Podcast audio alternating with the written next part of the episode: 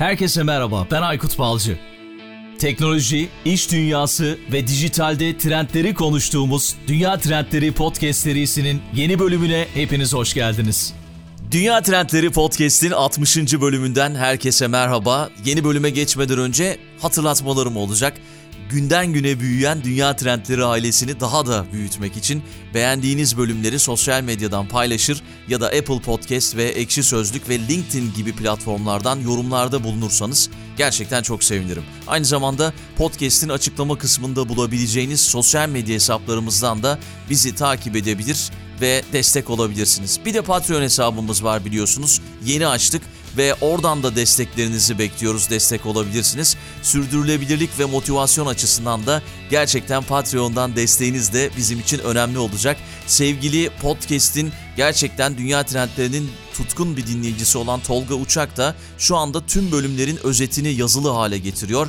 Çok teşekkür ediyorum ona bir kez daha buradan ve Patreon abonelerine özel olarak bu özetleri oradan paylaşacağız ve önümüzdeki günlerde yine belki Patreon'a özel etkinliklerde yine karşınızda olacağız. Birlikte bir şeyler yapabiliriz. Bir göz atın. Belki bize dünya trendlerine destek olmak istersiniz. Peki o zaman her zaman olduğu gibi bu kadar peşrev yeter diyoruz. Yeni bölüm gerçekten çok güzel oldu. Hazırsanız yeni bölüme başlıyoruz.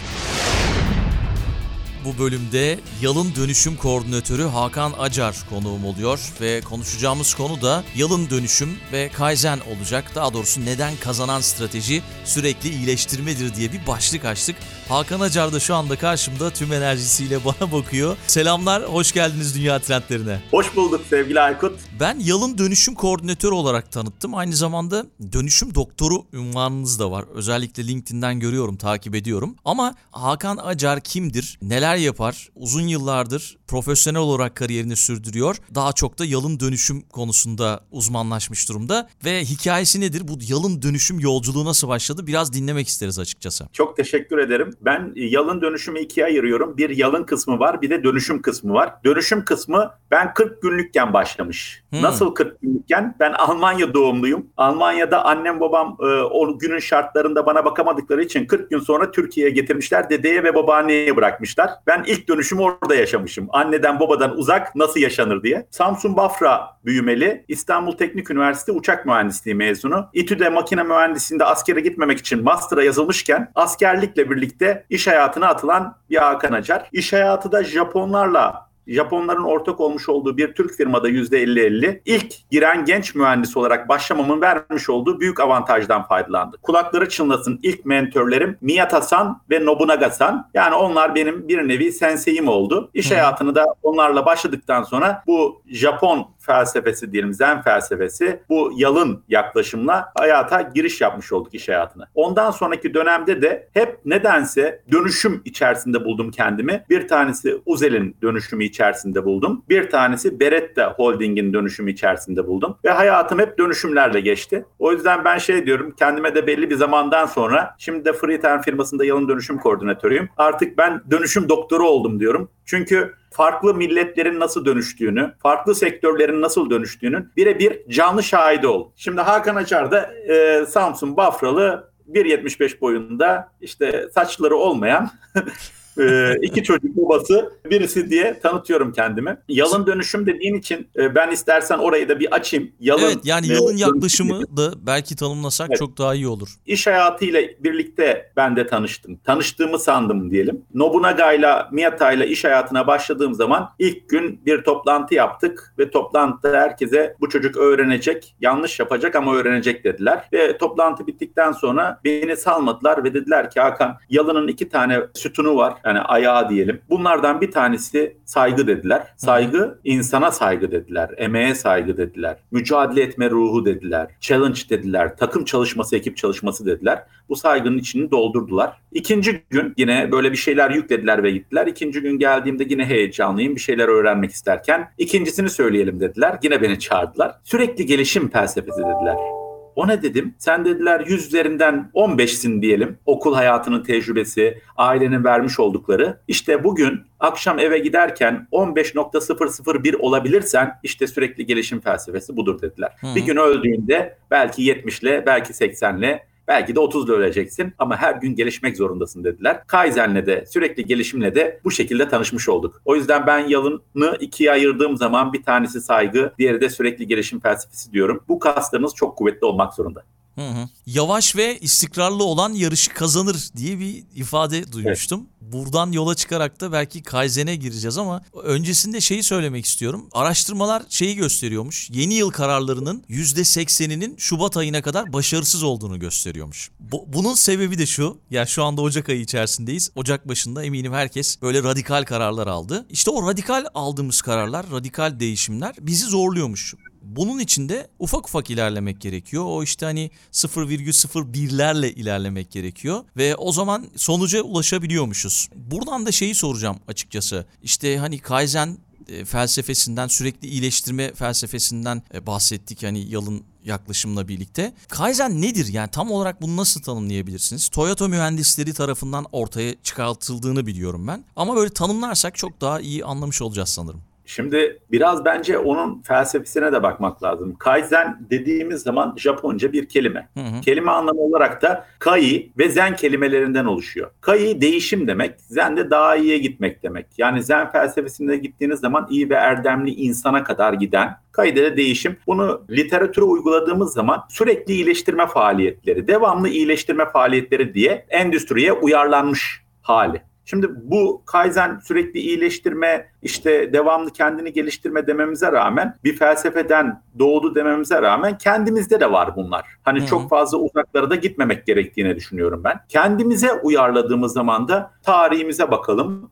İşte Mevlana ne demiş? Ya da zamanında devamlı gelişim var mıymış? İşte ayrı iki günü aynı gün gibi geçirmek haram mıymış? Hani bunlara bir baktığınız zaman Mevlana'nın bir sözü geliyor benim aklıma. Onu da okumak istiyorum iznin olursa. Tabii. Her gün bir yerden göçmek ne iyi. Her gün bir yere konmak ne güzel. Bulanmadan, donmadan akmak ne hoş. Dünle beraber gitti cancağızım. Ne kadar söz varsa düne ait. Şimdi yeni şeyler söylemek lazım. Hı hı. Şimdi baktığınız zaman dün dünde kaldı. Bugün yeni şeyler öğrenmek ve söylemek lazım diyor. Ya bu o yüzden etrafa Japonya'ya ya da başka yerlere gitmeye gerek yok da kendimizde bu nedir diye bakıyoruz. Ben bu Kaizen sürekli iyileştirme dedikleri zaman adım adım iyileştirdikleri zaman bilgeler sistemlere ve süreçlere odaklanır. O yüzden sistemlere ve süreçlere odaklandığınız zaman sürdürülebilir hale getirebildiğiniz zaman bu düşünceyi her şey kendiliğinden oluyor. Düşüncenizi değiştirirseniz, zihninizi değiştirirseniz her şey değişebiliyormuş. Neden? Düşünceler duyguları, duygularda davranışları tetikliyor. Sizin bir alışkanlığınız oluyor. Ben meslek hastalığı demeye başladım artık buna. Yani belki çocukluğumdan gelen bir şey, belki iş hayatında öğrendim. Onun tam böyle nereden doğduğunu belki bulamayabiliriz ama devamlı bir şeyleri iyileştirebilme güdüsü, bakış açısı. Bunun Japonlarda başka kelimeleri de var. Hansei falan diyorlar. Yani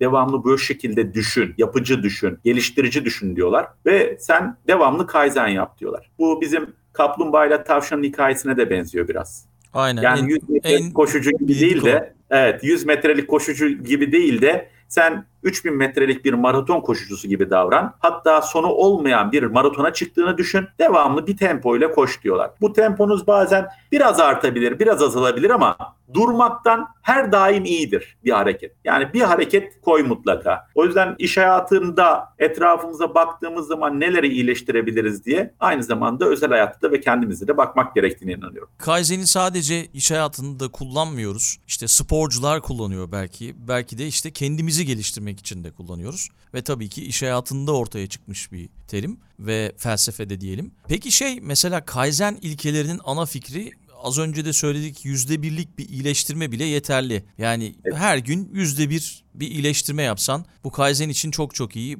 Bir takım ilkeleri var anladığım kadarıyla Kaizen'in. Bu ilkeler neler? Bundan bahsetsek. Şöyle iki orayı da şöyle anlatalım. Yalın düşüncenin, yalın felsefenin belli ilkeleri var. Yani değer, değer koyuyor. Yani değer nedir diyor. Değer akışı yarat diyor. Sürekli çekiş haline getir bunu. Sürekli akış haline getir. Çekme sistemlerini uygula ve mükemmelliğe giden bir yolculuk serüvenine gir diyor. Her zaman iyinin daha iyisi var diyor. Şimdi içerisindeki Kaizen'e baktığınız zaman da Kaizen'i genelde karıştırıyorlar. İnovasyonla karıştırıyorlar yatırımlarla karıştırıyorlar. Yeni bir şeyler almayla, yenilikle karıştırıyorlar. O yüzden ben Kaizen'in de ilkelerini şöyle yani bir insan öncelikli, herkesin katılımı olduğu, küçük yatırımlar, hani korumaya dönük yoğun çaba. Neden diyorum bunu? Ben Japonya'ya gittiğim zaman fabrikada geziyoruz. Bir sürü makineler var ama bir presin etrafı zincirlerle çevrilmiş. Yani oraya pek sokmuyorlar insanları ve çalışıyor o makine pres. Hani müzelere gidince e, hani yaklaşma diye bant gibi şey çekerler ya. Hı-hı. Aynı o şekilde. Allah Allah dedim. Niye dedim? Adamlar bana şöyle anlattı. Hakan Bey dedi bu pres dedi 82 yıllık. Allah Allah dedim. Ve hala en azından performansının en üst düzeyinde çalıştırabiliyoruz dediler. Bu bizim için çok önemli dediler. Bu babamın sözüne geliyor. Babam şey derdi. Ayakkabımız eskidiği zaman ayakkabının değeri yeni ayakkabı fiyatı kadardır oğlum derdi. Eski ayakkabı fiyatı değildir derdi. Neden? Hmm. Bunu siz ayağınızdan çıkartırsanız yeni ayakkabı almak zorundasınız. Japonların mantalitesi de oydu. O pres giderse yeni pres koymak zorundasınız. O presi en efektif şekilde koru ve çalıştır. O yüzden korumaya dönük yoğun çaba dedim. Sürekli ve düzenli olması kademeli ve kalıcı yavaş gelişen ekonomilerle. Yani küçük küçük Japonya'da bir söz vardır. Bir adım bir saniye tasarruf ettirir. Bir saniyede bir yen tasarruf ettirir diye. Halbuki yenilikte siz paranız varsa büyük sıçramalı iyileşmeler yaparsınız. O eski presi ya da başka makineyi yollayıp yenisini alırsınız. Teknoloji ve para önceliklidir. Sınırlı sayıda katılım vardır. İki kişi yatırım kararı verir ya da patron ve alırlar o yatırımı koyarlar. İşte aralıklarla olur böyle şeyler. Yılda bir, iki yılda bir gibi. Gelişimi düzensizdir. Birden bire ve geçici olabilir. Hızlı gelişen ekonomilerde oluyor. O yüzden Kaizen'i de o yenilik kısmıyla ayırt etmek çok önemli. Kaizen küçük küçük ne olursa olsun yani yerden bir yaprak tanesini alsanız bile bir iyileştirmedir mantalitesiyle bakan ve herkesin katılımıyla yapabileceği basit iyileştirmeler topluluğu. Önemli olan sürdürülebilir olsun, her daim ve her an düşünebilir olmanız lazım. Yani günümüzde iş hayatında sonuca değil sürece, iyileştirmedeki evet. sürece odaklanıyor. Aynen öyle. Anladım Aynen öyle. Bu arada inovasyon dedik ve inovasyonu da bir önceki bölümde konuşmuştuk ve bilerek böyle arka arkaya benzer kavramları konuşalım istedim. İnovasyonu da karıştırıyoruz. Evet. O konuda da bir, tam oturmuş değil ve işte inovasyonun da Kaizen'le karıştırılması da ilginç geldi açıkçası bana. O da e, güzel bir bir şey oldu arka arkaya olması bölümlerin. Peki şey e, Kaizen e, daha iyi bir iş dünyası yaratmak için neden önemli diye bir soru sorsam. Az önce aslında yavaş yavaş girdik bahsettik. İş hayatında uzun vadeli sonuçlar elde etmek için sonuç yerine daha iyiye ulaşmanın yollarını e, düşünerek araştırıyor Kaizen. Ama bunun konuda neler söylersiniz? Şöyle düşünün. Normalde Kaizen'i iş hayatına entegre etmek etmenin yanı sıra şöyle düşünsek daha doğru olur. Bence bunu, bu bilinci insanlara enjekte etmek. Yani bu bilinç nedir? Daima bir tık daha etrafımızı, ortamımızı, işimizi, sürecimizi iyileştirmek nasıl olur diye düşünebilme yetisini kazandırmak. Şimdi biz şey diyoruz, geleceğin yetkinlikleri ya da günümüzün yetkinlikleri, geleceğin insanı, lider yetiştirmek, ben geleceğin lideri olacağım gibi bir sürü kavram var. Bence onların içerisindeki önemli kavramlardan birisi sürekli gelişim felsefesine haiz olabilmektir. Yani bu düşünce bakış açısıyla bakabilmektir. Ben bazen şey diyorum, e, mülakatlarda, iş görüşmelerinde ben biliyorum diyorlar. Ben bildiklerine bakmıyorum insanların. Öğrenebilme hızlarına, öğretebilme, etrafını gelişme gelişime açık ve etrafını geliştirebilme olaylarına bakıyorum. En son ne zaman bir iyileşme yaptın? Ne zamandır kendisini iyileştirdin? Etrafını ya da ortamını. O yüzden iş hayatında bu bilinci ilk önce insana vermek gerektiğini inanıyorum. Yani bu bilinç eğer gençlerimizde, çalışanlarımızda, patronumuzda ya da çaycımızda olursa her daim gelişebiliyor. Küçük bir örnek vermek istiyorum. Şimdi çaycı dedim. Hı-hı. Çaycı dedik ama inanın Kaizen çay ocağında da yapılıyor. Nasıl? İşte ben bardağımı çay doldururken ya da çaycı çay verirken oradaki kaybettiği iki saniyeyi görebiliyorum. Yani çayı doldururken niye şunu atmadı ya da bunu atarken niye karıştırmadı ya da bunu karıştırırken şunu niye tabağa hazırlamadı gibi süreçlere odaklandığınız ve baktığınız zaman uç uça koyduğunuz zaman atıyorum bir dakika alan çay doldurma zamanı size hazırlama zamanı halbuki küçük iyileştirmeler yaptınız 40 saniyede 35 saniyede bitecek.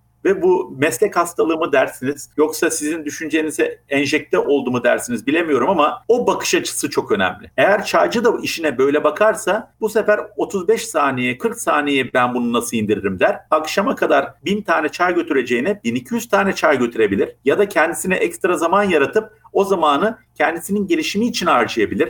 Başka bir iş yapabilmek için harcayabilir. Peki mesela şimdi burada hızlı gelişen teknoloji e, bunun etkisi ne oluyor Kaizen'de? Eminim ki büyük bir etkisi vardır. Ya daha doğrusu katkısı vardır. Şimdi böyle yaptığınız zaman siz ekstralara değil de ben geçen gün şöyle bir soru sordum sevgili Aykut. Bir cin lambadan çıksa hı hı. ve sana dese ki dile benden ne dilersin? Ne dilersin? Bir isteğim var. Şu anda sağlık dileriz değil mi? Yani, e, yani en popüler şimdi o. Şöyle buradaki olayı ikiye ayırıyorum. İstiyoruz biz. İstemek diyorum. Yani Herkes bir şey istiyor. Hiç kimse vazgeçmiyor. Yani vazgeçebilmek de bence bir dilektir. Vazgeçebilmek de çok önemli bir kavram. Şimdi Kaizen'de de şuraya bakmak lazım. Yeni bir şeyi enjekte etmekten daha ziyade israflarımızdan, kötü huylarımızdan yani bizi yok eden, bizi maliyeti yükselten iş hayatı için diyorum. Böyle baktığınız zaman problem olarak gördüğümüz şeylerden vazgeçebilme, onları yok edebilme olayıdır. Bu farkındalığa sahipsek zaten kazanıyoruz. O yüzden iş hayatında büyük israfları görmeyi öğrenmemiz lazım ilk önce.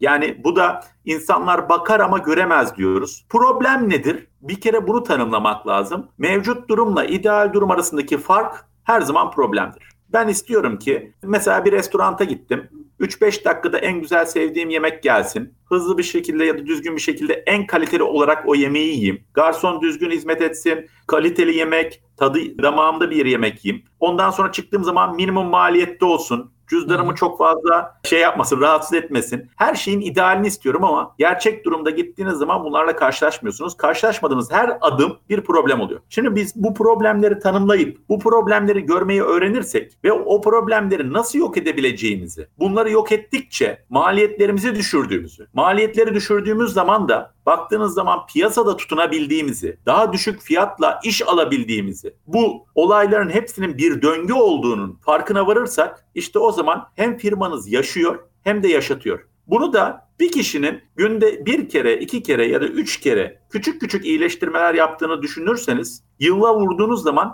binlerce, on binlerce, yüz binlerce iyileştirme oluyor bir firmada. Hı hı. İşte o sizin hayatta kalmanızı sağlıyor.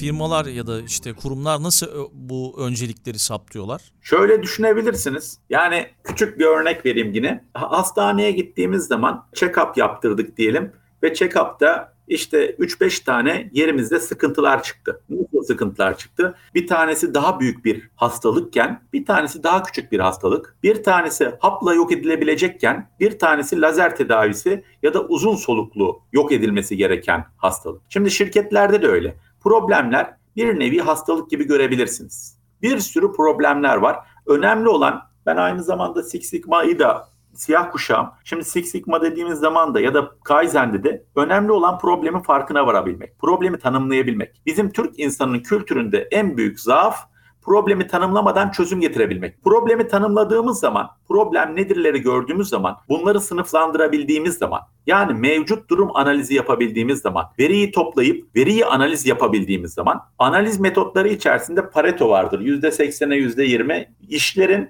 problemlerin %20'sini çözersen iyileştirmenin %80'ini yapmışsın demektir. O yüzden bir Pareto analizi yaparız. Önceliklerimizi belirlemek için. Yani bu firmanın öncelikleri neler? Benim önceliklerim neler diye.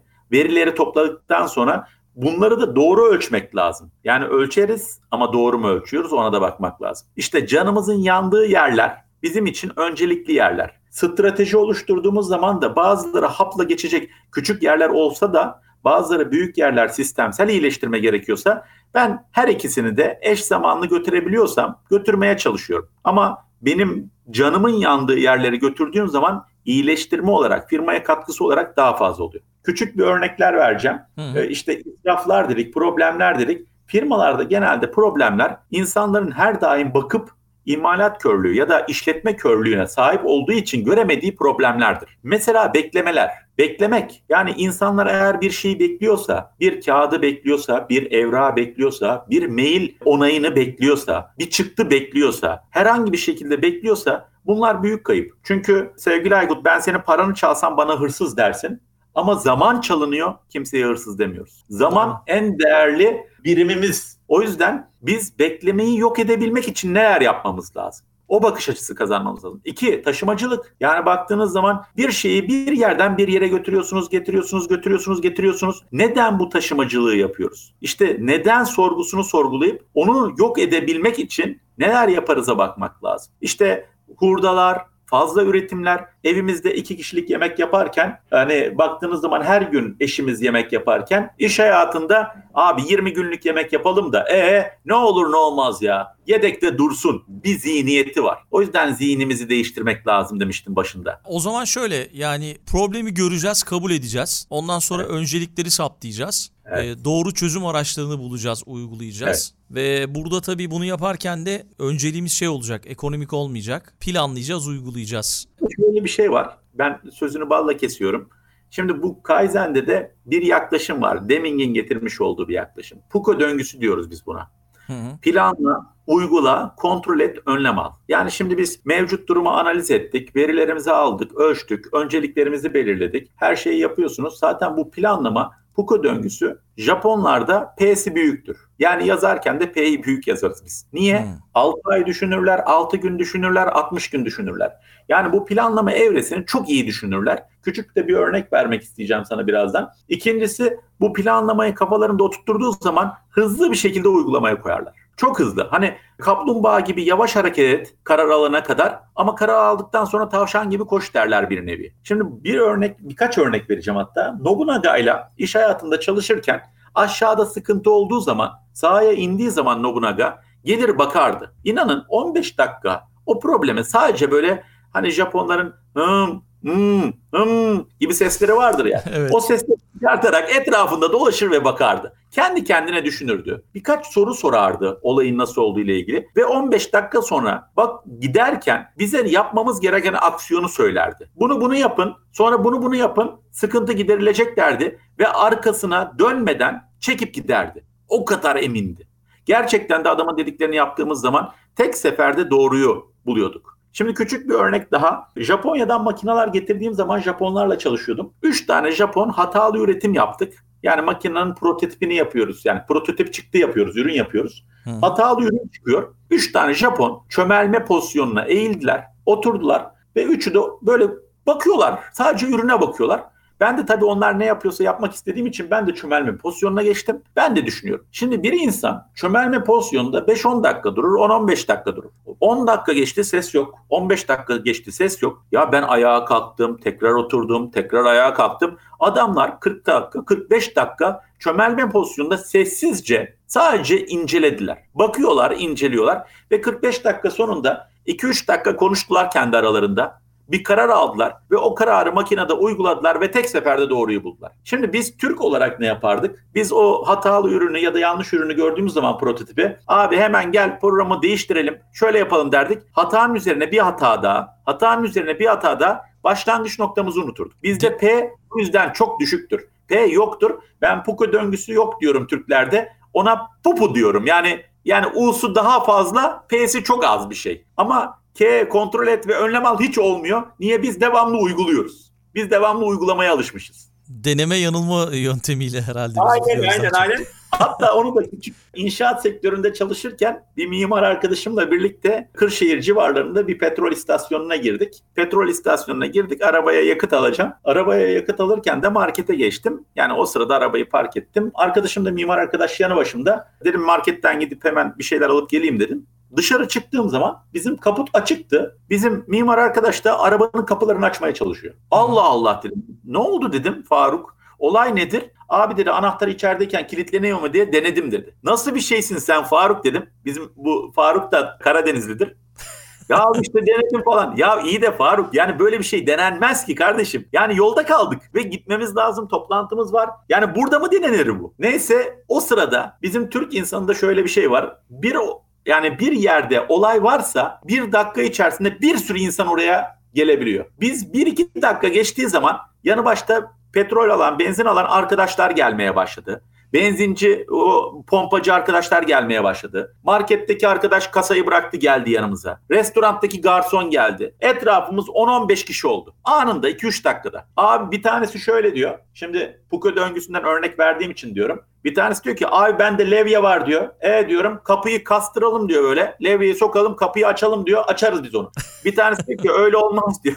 Nasıl olur diyorum. Bir tanesi diyor ki kelebek camını kıralım diyor. Oradan açarız diyor. Bir tanesi diyor ki telle diyor abi diyor. içeri salayım ben bu teli diyor. Ya nasıl salacaksın diyorum. Arabanın içine nasıl teli sokacaksın? Ben sokarım abi diyor. Biraz tornavidayla açarım sokarım diyor. Şimdi ben çıktım dışarı. Marketin önüne doğru gittim merdivenlere yukarı çıktım. Ve bizim Türk insanına baktım. Problemi daha tanımlamadık tam anlamıyla. Planlama hiç yapmadık ve uygulamaya geçen onlarca arkadaşımız var. Hı. Herkese dedim durun, durun. Bir düşünelim dedim ya. Düşünmemize müsaade edin. Nasıl yani Hakan Bey dediler. Ya abi dedim bu araba kiralık. Arayalım bir kiralama araç firmasını değil mi? Kiralık araç firmasını. Onlar belki bize bir yol yöntem söylerler. Belki bir arkadaşımız daha zamanında böyle bir hata yapmıştır. Belki bir örneği vardır. Aradık biz örneği yok. İlk örnek bizmişiz. Onlar da güldü. Sonra dedik ki artık dijital çağdayız. Belki dedik uzaktan bu arabayı açabilir firma. Hani ona soralım. Onlar da öyle bir şey yapamadıklarını söylediler o zaman. Sonra bize dediler ki firmadan örnek şey geldi bize. Öneri geldi. Dediler ki arkadaşlar işte bir çilingir bulun. Çilingire biz tarif edelim nasıl açacağını o açar dediler. İnanın bir çilingir bulduk ve 30 saniye içinde araba açıldı. Şimdi buradaki Na- na- nasıl anlat- açtı çok merak ettim. Benim de başıma geldi çünkü bir olay da. Evet yani şey arabanın normalde hep uzaktan açıp kapıyoruz falan ama arabanın kapı açma yerinde bir kaldırdığınız zaman o kapı kolunu altında anahtarın girdiği özel bir yer var. Orayı Hmm. açtırdılar. Anahtarı oraya sokmadık tabii. Anahtar yok elimizde. Maymuncukla oraya sokup oradan 30 saniye içerisinde açtı arkadaş. Biz bizimkini de şöyle açtı. Almanya'da geldi hatta başımıza. Biz böyle bir durumda yol yardımını aradık. Yani daha doğrusu burada bir kulübe üyeymiş ve başımıza gelen kişi. O işte otomobil kulübünü aradık. Hemen bir saat içerisinde geldi. Çok enteresan. Böyle kapıyı hafifçe kanırttı. Yani cam tarafını. Oraya böyle hani tansiyon e, ölçmek için şeyler olur ya. Kolumuza sararız. Ondan koydu, onunla hava verdi ve orada böyle bir ufak aralık açtı. Elinde de uzun bir sopa. Onunla oradan o sopayı yani sopa dediğim demir gibi şey demiri soktu ve kapıyı kendine doğru çekti yani açma kolundan. 5-6 saniyede açtı biz şok olduk yani inanamadık. Daha ilkel bir yöntemle açtı bizimkisi çilingir değildi ama bizim de başımıza geldi yani böyle bir şey. Ama bunun için biz şey yaptık hani e, şeyi aradık. O kulübü aradık onlar yardım ettiler. Ya etrafta demek ki levyeyi getir işte arka camı kıralım falan diyen sesler yoktu. Ya ben bunu şu yüzden anlatmak istedim. Şimdi az önce dedik biz daima iyileştirme yapalım. O felsefeyle düşünelim. O düşünceyi beynimizin içine enjekte edelim. Bakış açımız hep öyle olsun dedik. Mevcut durumu ölçelim, analiz edelim. Önceliklendirelim yapacağımız aksiyonları değil mi? Analiz ettikten sonra neleri yapmamız lazım diye. Ve ondan sonra da bu yaklaşımla gidelim. Yani Puko döngüsü mutlaka olmak zorunda. Puko döngüsünü de yani bütün dünya uyguluyor artık. Biz Türkler olarak bir yerde uyguluyoruz bunu. Yani kültürümüzde bir yerde var bu Puko döngüsünün uygulandığı yer. Onu biliyor musun? Yok Nerede? bilmiyorum nerede? Ya bu Puko döngüsünü müthiş uyguluyoruz ama. Evlenirken sevgili Ev- Aykut. evlenirken Evlenir- ha. Evet. Yani ilk önce çıkarsın, bir söz yaparlar. Bak planlamaya bak. Söz, nişan evresi yine planlamayla geçiyor. O sırada örf adet beyinlere giriyor insanların içerisine. Hiçbir şey atlamaz o teyzeler, halalar. Değil mi? Doğru, Kaynanalar. Her şey böyle planlı programlı yapılır. Eksik olmaz. Yani o burma takılacaksa takılacak. O Trabzon hasır alınacaksa alınacak. Yatak odası böyle olacaksa olacak. En sonunda şimdi P'si biter. Siz nikah dairesine gidersiniz ya da nikah salonu ya da düğünde olur bu iş. Uygulama kısmı bir imza sürecidir abi. Yani iki dakikada bir bakarsın bekardım bir bakarsın evlen. Uygulama çok hızlıdır. Anında evleniyorsun. Ondan sonra da evliliği idame ettiriyorsun. Yani devamlı o önlem al kontrol et kısmı devam ediyor. Herkese de sağlıklı evlilikler diliyoruz. Bak Puko döngüsünü iyi uyguladığın zaman, iyi evlilikler olduğu zaman da sürdürülebilir oluyormuş. Doğru. Yani peki şey bu Kaizen'in e, doğru uygulanmış bir Kaizen'in ana avantajlarından biri anladığım kadarıyla bu. Evet. Ne oluyor? Daha güvenli bir çalışma ortamı oluyor. Daha iyi bir iş yeri oluyor belki. Çalışanlar birbirine bağlı oluyor. Hani evlilik üzerinden gidiyorum şu anda. Çalışanı elde tutma durumu oluyor. Problemi çözme becerisi değil mi artıyor? Evet. Bir de Evet. az önceki örnekten yola çıkalım orada bir ekip çalışması da yokmuş sizin. Herki kafadan bir şey çıkmış.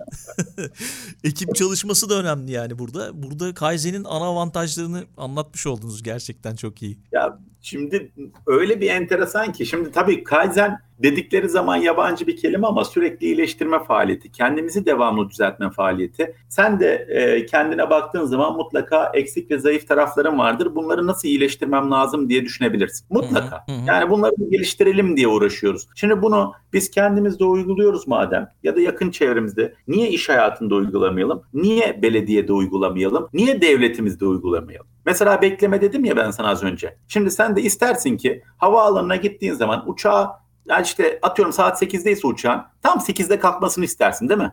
Zaman Evet. kaybetmemek istersin. Evet. Ya da otobüse binmek istediğin zaman eğer onu 10 geçe otobüs geliyorsa oraya sen onu 9 geçe gittiğinde onu 10 geçe otobüsüme bineyim ve zamanında yerime gideyim istersin. Hay- hayatından beklemeleri çıkartmak istersin. Bir markete gittiğin zaman, bir fırına gittiğin zaman ya da bir spor salonuna gittiğin zaman o bekleme kavramı olmasın istersin. Kız arkadaşınla buluşurken işte genelde gençlerde var. Saat 2'de buluşalım diyorsunuz. İşte karşı taraf 2'yi 20 geçe geliyorsa 20 dakika bekliyorsun. Az önce dedim ya cüzdanından para çalsam hırsız derseniz ama benim 20 dakikamı çalıyorlar hırsız demiyorum. O yüzden hayatımızın her yerinde var. Ben geçen gün diş macunu değiştirdim. Neden değiştirdim biliyor musun Aykut? Neden? Diş macununun kapağı 3 seferde açılıyor. Yani 3 kere döndürmek zorundayım. Halbuki başka bir diş macununun kapağı yarım seferde açılıyor. Bana 2 saniye kazandırdı onu değiştirmek. Hayattaki 2 saniye tasarrufumdur yani. Hiç çevirmeden de açılanlar var. Vay onu bilmiyordum bak. O, o zaman onu da alayım o da yarım saniye daha kazandırır Yani bana. şey gibi böyle tık diye açılıyor kapanıyor açılıyor kapanıyor.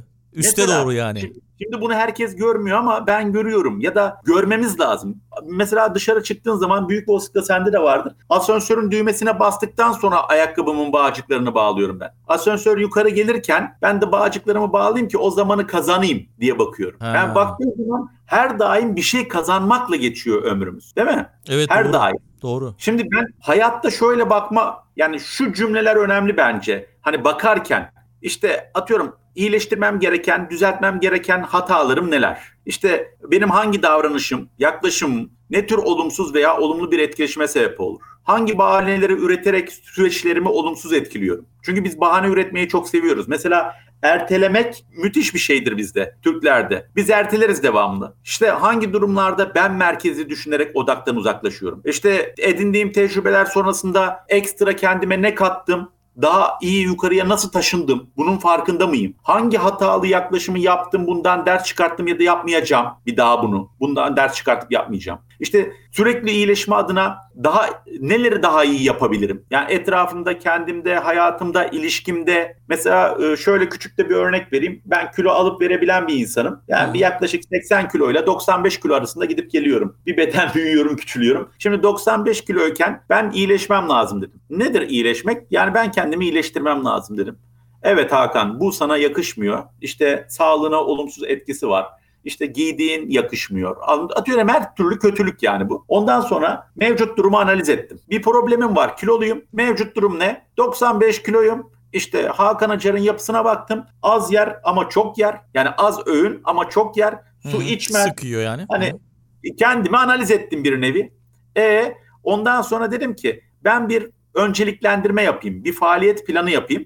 Hangi sıkıntılarımı ne şekilde çevirebileceğim? Ondan sonra dedim ki bir kere az yemeyeyim. Çok yiyeyim ama çok yediğim zaman da az yiyeyim. Yani çok öğünüm olsun az yemek tüketeyim. Güzel. Bunları yapmadan önce su içeyim. iki bardak bir bardak. Çünkü su içmediğim için çok yiyorum. Güzel. Hem de su içersem vücudum tazelenmiş olur. Sonra tatlı, şekerli şeyler yemeyeyim. Pilav, makarna ve ekmek gibi şeyleri de bırakayım dedim. Tamam bu faaliyetleri aldım. Birinci günde peki bunu ölçmem lazım. Her gün ölçmem lazım ki gidişatı takip etmem lazım. Birinci gün çok zor oldu. İkinci gün zor oldu. Ama ölçüyorum işte 95 kiloyum. İkinci günde 95. Üçüncü gün 94.7. İşte baktığın zaman bir hafta sonra 94 kilosun. İşte bir ay sonra 90 kilosun. İşte atıyorum 2 ay 3 ay sonra 85 kilosun. Demek ki ben 95 kilo olan Hakan Açar 80 kiloya 3 ayda inmiş ve kendini kendi vücudunda bir iyileştirme yapmış. Ve ondan sonra takım elbise yakışıyor. Sağlığım daha yerinde. Değil mi? Her şeyi daha güzel, daha kolay. Karaciğer yağlanmıyor. Evet. Ya şimdi hani dedim ya ilk önce problemi görebilmek lazım. Şimdi evli olanlarda da, şimdi evli olduğum için diyorum. Yani ilişkinde de problemler var. Olabilir. Bunu göz önüne getir. No problem, big problem demiş Tayçi ona. Şimdi biz öyle demeyelim. Biz problemleri görelim, bunları göz önüne getirelim ve bunları çözebilmek için de mevcut durumu analiz edip kademe kademe büyük küçük fark etmeden çözelim. Yani anladığım kadarıyla işte geleneksel sabit fikirleri de atmamız gerekiyor kafamızdan. Evet. Bu orada küçük bir kelime daha söyleyeceğim. Hı. Kaizen'in kilit taşı Hansei'dir. Hansei diye bir kavramları var Japonların. Bu bakış açısı demektir. Yani yaklaşım. Hani bu bir felsefe. Böyle düşünce gücü. Hı. O yüzden bu çok çok önemli. Hani sen dedin ya şirketlerde Kaizen yapalım ya da evde kendimiz Kaizen. O Kaizen düşüncesini insanlara enjekte edelim. Öyle düşünsün insanlar. Zaten kendi kendilerine yapmaya başlıyorlar.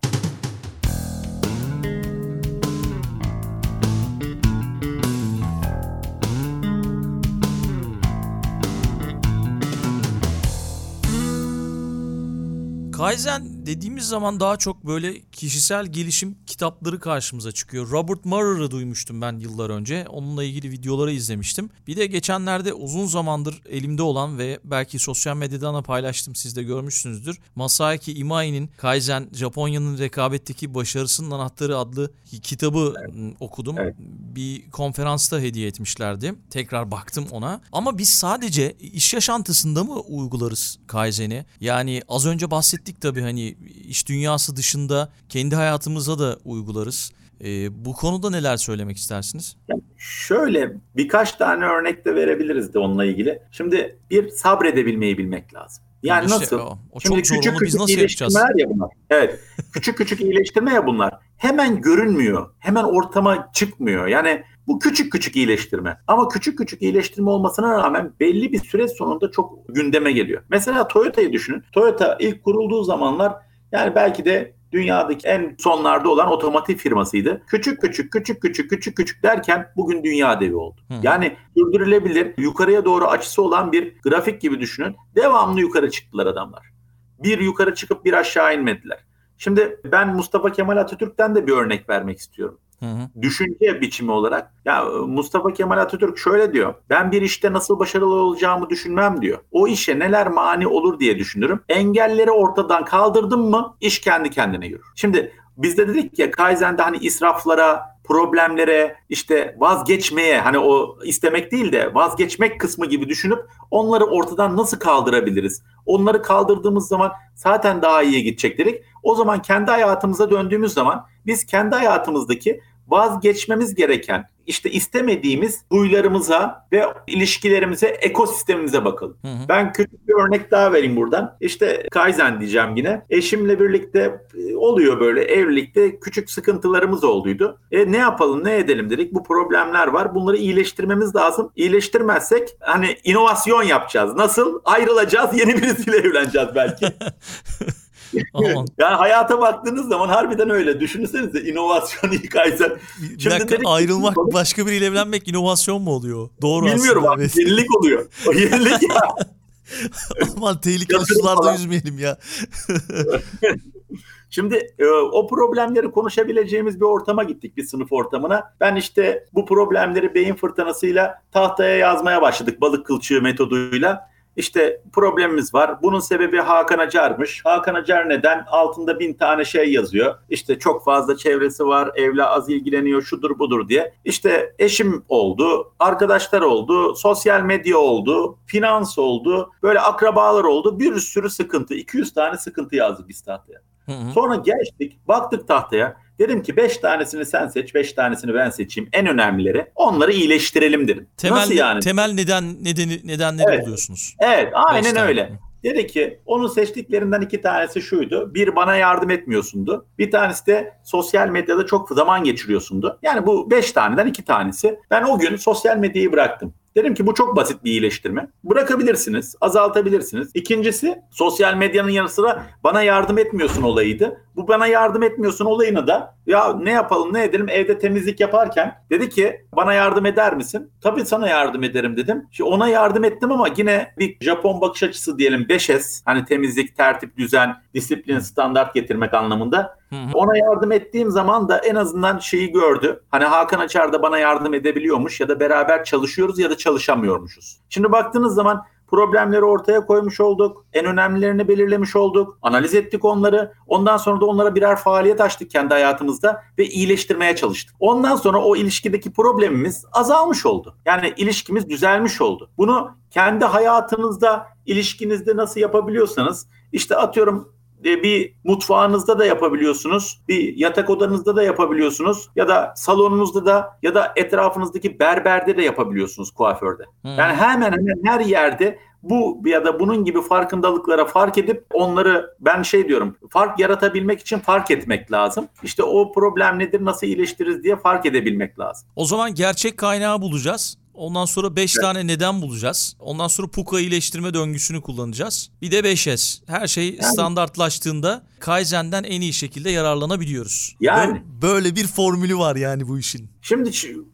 yalnız şöyle de bir şey var. Yani bunu herkes yapıyor biliyor musun? Herkes de var bu ama görmüyor. Yaptığını hı, bilmiyor. Hı, hı. Yani bir arkadaşıyla olan ilişkisini de iyileştiren insanlar var. Ne bileyim bazılarını motive eden ben şey diyorum. Bizim motivasyonumuzu sağlayan depolarımız var. Yakıt koyduğumuz depolar var. Yakıt insandan insana değişiyor. Bazılarının yakıtı para. Mesela daha çok para kazanacağım diye Adam bir sürü şeyini iyileştiriyor. Kendisini geliştiriyor, etrafını geliştiriyor, öğrendikleri oluyor, yaptıkları değişiyor. Ama daima bir iyileşme içerisinde. Sırf o parayı kazanacak diye. Hı. Bazılarının şey yakıtı para değil. Ne bileyim iyilik yapmak, mutlu olmak, sağlıklı yaşamak, daha değişik şeyler önüne geçebiliyor. Onun için her şeyi yapıyor. Bazıları annesi istedi diye kendini geliştirirken bazıları da işte babası bunu yap dediği için yapıyor. Ama daima bir gelişim var. Hem kendimizde hem ekosistemde bunların hepsi, bu iyileşmelerin hepsi bir Kaizen normalde. Zaten şöyle bir Profesör Carol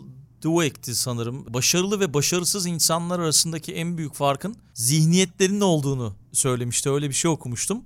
Yani sabit ya da gelişen bir zihniyete sahip olabilirsiniz. İşte o sabit zihniyet belki bizi biraz daha köreltiyor. Ama işte o gelişen zihniyet, geliştirdiğimiz zihniyet daha iyi yerlere götürüyor diye düşünüyorum. Peki şey böyle dünyadan örnek var mı? Şu anda aklıma geldi. Şöyle ee, düşün. Toyota dışında bunu evet. uygulayıp veya batıda mesela. Her yerde var. Her yerde var. Yani Mercedes de yapıyor bunu. işte Arçelik de yapıyor. Bütün şirketler yapıyor. Bütün insanlar yapıyor. E, şey var e, seyrettin mi bilmiyorum. Five Minutes diye bir program var YouTube'da. Beş dakikada neler yapabilirsin iyileştirecek. Süper. Benim oğlan müdahale oldu. Five Minutes Craft'mış. Orada tamam. beş dakika müthiş iyileştirmeler yapıyorlar. Yani bir çengelli iğneyle adam o kadar güzel şeyler yaratabiliyor ki. Ya da kötü olan evde atılması gereken bir mobilyayı alıyor. Temizliyor, boyuyor, bir şeyler veriyor ona daha değişik bir şeyler yaratabiliyor mesela. Halbuki atacaktı, çöptü, atıldı, hurdaydı ama onu kullanabiliyor. Şimdi e, Five Minutes'in yanı sıra bu Kaizen'i de şöyle bir parantez açmak istiyorum. Mesela e, Kaizen'i sadece eli kolu, gözü, kulağı olan insan yapmaz. Yani görme engelli arkadaşlar da yapıyor. Ne hmm. bileyim işitme engelli arkadaşlar da yapabiliyor. Hatta belki onlar daha iyilerini yapabiliyor. Niye? Zaten bir organları bir duyuları eksik olduğu için daha önemli onlar için mesela. Daha yaratıcı olabiliyorlar. O yüzden şirketlerde hani bunu sadece ya da hayatımızda insan yani eli kolu olan bir insan yapacak diye düşünmemek lazım. Bunu dediğim gibi gerekirse görme engelli arkadaşlar da gerekirse başka türlü eksikleri olan arkadaşlar da yapabilir bence mutlaka. Hı hı. Kaizen çok mu zor diye bir soru gelmişti bana bir zamanlar. Çok zor değil. Önemli olan orada niyet. Yani yeter ki iyileştirme niyetinde olalım ve problemleri görüp bunları çözebilmek için de bir mücadele ruhumuzun olsun içimizde. Challenge yapalım. Kaizen peki sonsuz mu? Sürekli yani sonsuz devam edebilir herhalde. Evet, evet. Şöyle düşünelim. Öğrenmek hangi yaşta biter? Hiç bitmez yani. Yani ben mezara girdiğim zaman öğrenmek biter değil mi? Yani Hı-hı. sürekli gelişim yağmurları altında sırılsıklam olalım diyorum ben. O yüzden hem öğrenip hem de öğretebilme, hem gelişip hem de geliştirebilme, hem iyileşip hem de iyileştirme yapabilme güdüleri bunlar bizim içimizde, düşüncemizde varsa mezarda bitebiliyor. O yüzden ben sonsuza kadar gidiyor diyorum. Siz ölürken bile inanın hani bir iyileştirme yaparak gidebiliyorsunuz. Bunun bir süreci, bir süresi, bir şeyi yok. Sonsuz diye de tanımlayabiliriz ya da mezara gidene kadar da diyebiliriz bence. Bir de belki kitap önerisi bize yapabilirsin ya da belki bir film önerisi yapabilirsin ilham olması açısından. Ondan sonra ya, da veda eder kapatırız. Şimdi uzun zamandır Hint filmlerini çok seyrediyorum ben. Neden seyrediyorum? Hindistan'da belli bir zamana kadar sömürge ülkesiydi ve o sömürgeden kurtuluşları ve kurtulduktan sonraki dünyaya kendini ispatlama çalışmalarıyla ilgili çok fazla film çekmişler. Bunlardan bir tanesi Toilet yani tuvalet. Hmm. Yani bir değişim hikayesidir. Yani Hindistan'da tuvalete kadınlar e, dışarıda geceleri gitmek zorundalarmış. Eve tuvalet yaptırmakla ilgili geçen bir serüven ve bütün Hindistan'ın değişimine örnek olmuş. Three Idiot özellikle mühendisler için tavsiye ettiğim hayatlarını kendileri belirlesinler, mutlu oldukları işi yapsınlar diye önerdiğim filmlerdendir. Ama bu taraftan da Hollywood taraflarına baktığınız zaman McDonald's'ın hikayesini de çok severim. Oo, Found'u. evet. O McDonald's'ı Evet, izledikten sonra bir daha gidesim gelmedi McDonald's'a. gerçekten. Çok Yani- üzüldüm ya gerçekten yani e, trajik bir hikayesi var aslında yani. Evet. İnsanlar bir de filmlerde ayrı ayrı şeyler bulabiliyorlar. Yani ben değişim, dönüşüm, liderlik, mücadele ruhları olan filmleri çok fazla seviyorum. Yani bir özellikle de gerçek hayat hikayesinden alınmış filmleri. E, ilk kadın pilotun hikayesi falan var. Çok güzel filmler var öyle. Onları bence seyredebilirler. Önerilerimin arasında. Kitap anlamında da Zambaklar ülkesinde olabilir.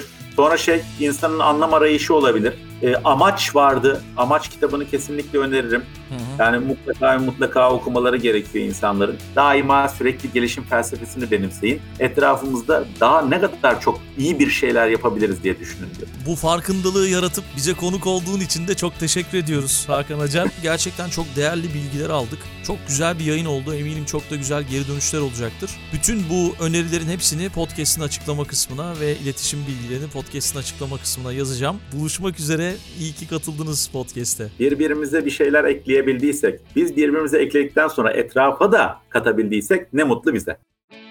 Dünya Trendleri Podcast serisinin bu bölümünün sonuna geldik. www.dünyatrendleri.com Twitter'da @dünyatrendleri, Instagram'da dünya.trendleri adreslerinden Dünya Trendleri Podcast'i takip edebilirsiniz.